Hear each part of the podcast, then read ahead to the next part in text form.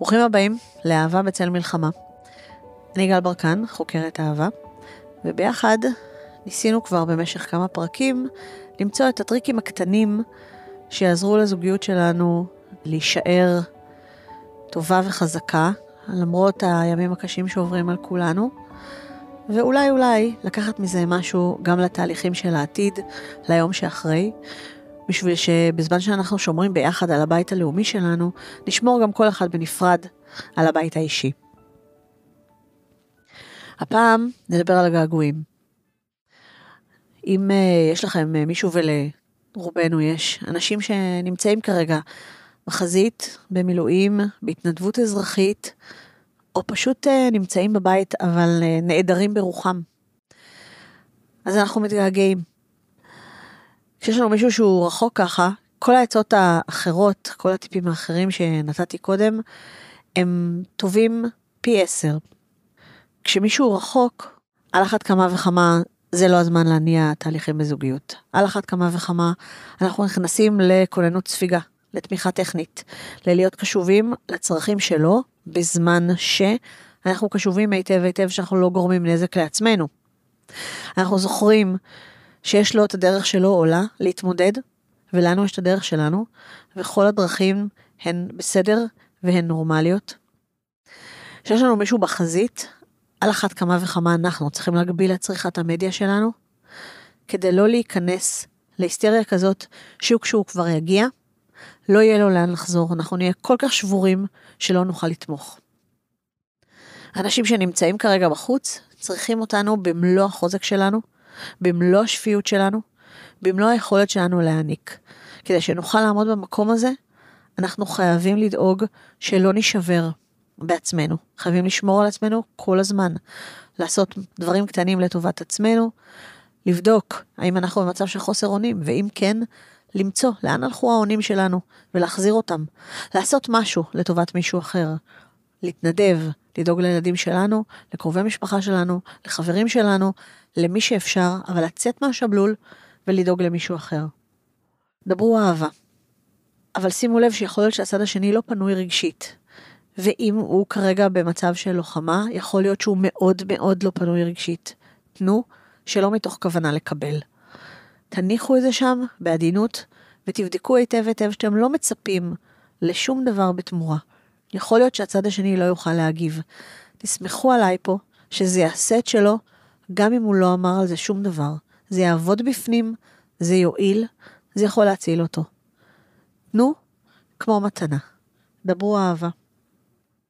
כשהוא אה, או היא חוזרים הביתה, תהיו מוכנים עם מגע. אבל תהיו מוכנים ברגישות. שימו לב למה הם צריכים. האם הם צריכים הרבה מאוד מגע כדי לפרוק?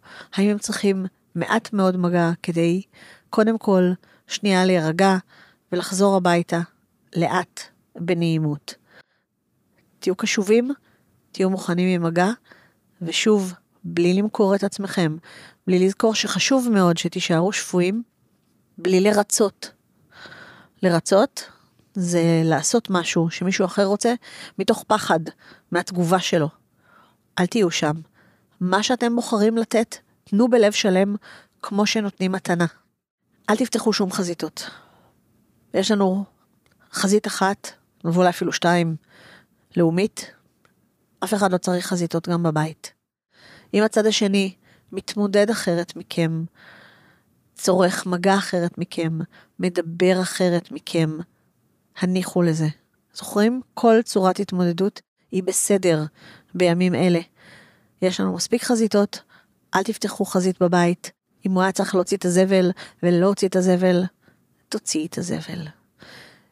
אם uh, אתה רגיל שהיא uh, מטעינה מדיח וזה לא קרה, תעשה את זה אתה. אל תעשה את זה בכלל. משהו. רק אל תפתחו חזיתות אחד מול השני. אל תדאגו, כל מה שטוב היום, יהיה טוב גם בעוד שלושה חודשים. אתם לא מוותרים על שום דבר כשהיום אתם מכניסים את כל החיכוכים והוויכוחים שלכם לבוידם ולא מנהלים אותם. אתם לא מפסידים שום דבר, אתם רק מרוויחים שלוות נפש. כשתבואו להתמודד עם זה בעוד כמה חודשים, כשהכול יירגע, ההתמודדות תהיה אחרת, טובה יותר. נכון לעכשיו, לאף אחד מאיתנו אין תהליכי מחשבה ישרים בשביל להתמודד עם הדברים האלה באופן שיביא לתוצאה מיטבית. אל תסיקו מסקנות. אם הצד השני אומר משהו, או לא אומר משהו, או מתנהג בדרך מסוימת, תזכרו שגם אם הם מאוד מאוד כועסים וזה יוצא כלפיכם, הם כועסים נקודה. אתם פשוט עמדתם בדרך של זה. זה לא אישי. אל תסיקו מסקנות. גם לא ממלל. אף אחד מאיתנו לא מתכוון עכשיו לדברים שהוא אומר, בחלק גדול מהזמן. אז אל תיקחו מזה שום דבר אישי. תזכרו שאתם הבסיס החם והבטוח של הצד השני. בסיס חם ובטוח זה גם אומר שהוא יכול להתפרק, זה גם אומר שהוא יכול לכעוס, זה גם אומר שהוא יכול להיות מאוד לא מיטבי, או אפילו לא הוא. אתם המקום לדבר הזה. בכל שאר המקומות בעולם, הוא או היא חייבים להחזיק את עצמם. ולא מולכם. קחו את זה בתור מחמאה, אל תיקחו את זה אישי. הצד השני מתורגר, אתם מתורגרים, אני מתורגרת. כל העולם כרגע שלנו, דלת אמותינו, זה טריגר אחד גדול. ולכן, כל העצות האלה באו לשמר איכשהו את הזוגיות שלכם, ולנוע איכשהו בתנועה רכה דרך אה, כפתורי הפאניקה האלה, שאין בימים אלה דרך להימנע מללחוץ עליהם, אבל צריך להשתדל. ואם אתם יודעים שמשהו מתרגר אתכם, תקנו מכסה פלסטיק, תשימו על כפתור הפאניקה, באופן מטאפורי כמובן, ושאי אפשר יהיה ללחוץ עליו. את כל הטיפול נעשה אחר כך.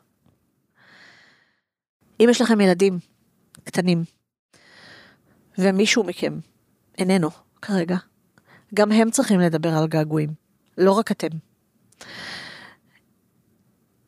שתפו אותם במסר שמותאם להם. ספרו להם שזה שמתגעגעים למישהו, זה אומר שאוהבים אותו. ואין שום רע בלהתגעגע למישהו אהוב, כשאנחנו יודעים שהזמן יעבור והוא ישוב, ושגם הוא מתגעגע אלינו בחזרה. אם אתם צריכים עזרה לנסח את הדבר הזה, הספר החדש שלי, האור של אור, יעזור לכם. האור של אור מדבר על uh, נסיכה קטנה, שאימא שלה יוצאת לעבודה בבוקר, והיא הולכת ונהיית עצובה והאור שלה כבה, עד שהאימא חוזרת בלילה. אבל אז אימא שלה מלמדת אותה מה לעשות עם געגועים. לבקש להתקשר אל האימא, או, אה, או לדבר איתה, ולפנות לבקש עזרה בעניין הזה. חשוב שילדים ידעו לדברר את הגעגועים שלהם ואת המצוקות שלהם, ושגם הם ידעו שאתם הבסיס שלהם, גם אם הם כרגע לא מתהווים, ואם הם רואים יותר טלוויזיה ומשחקים יותר משחקי מחשב מכפי שהייתם רוצים בימים אחר, אחרים. הם בסדר, אתם בסדר, התפקיד של כולנו זה רק לעבור את זה בשלום. נתראה בפרקים הבאים, שבהם אני אביא לא רק טריקים שלי, אלא אה, עצות זהב של אה, אנשים, מטפלים אה, ואחרים, שאני אה, מאוד מעריכה אותם. ואני אוספת מהם את העצות הטובות ביותר שלהם לשימור הזוגיות בימים האלה, ואביא אותן כאן אליכם. נתראה בפרק הבא, ושנזכה כולנו לימים טובים ושקטים יותר, שבהם כל מה שיישאר לנו זה לדבר אהבה ולחכות לסרט הבא של דיסני.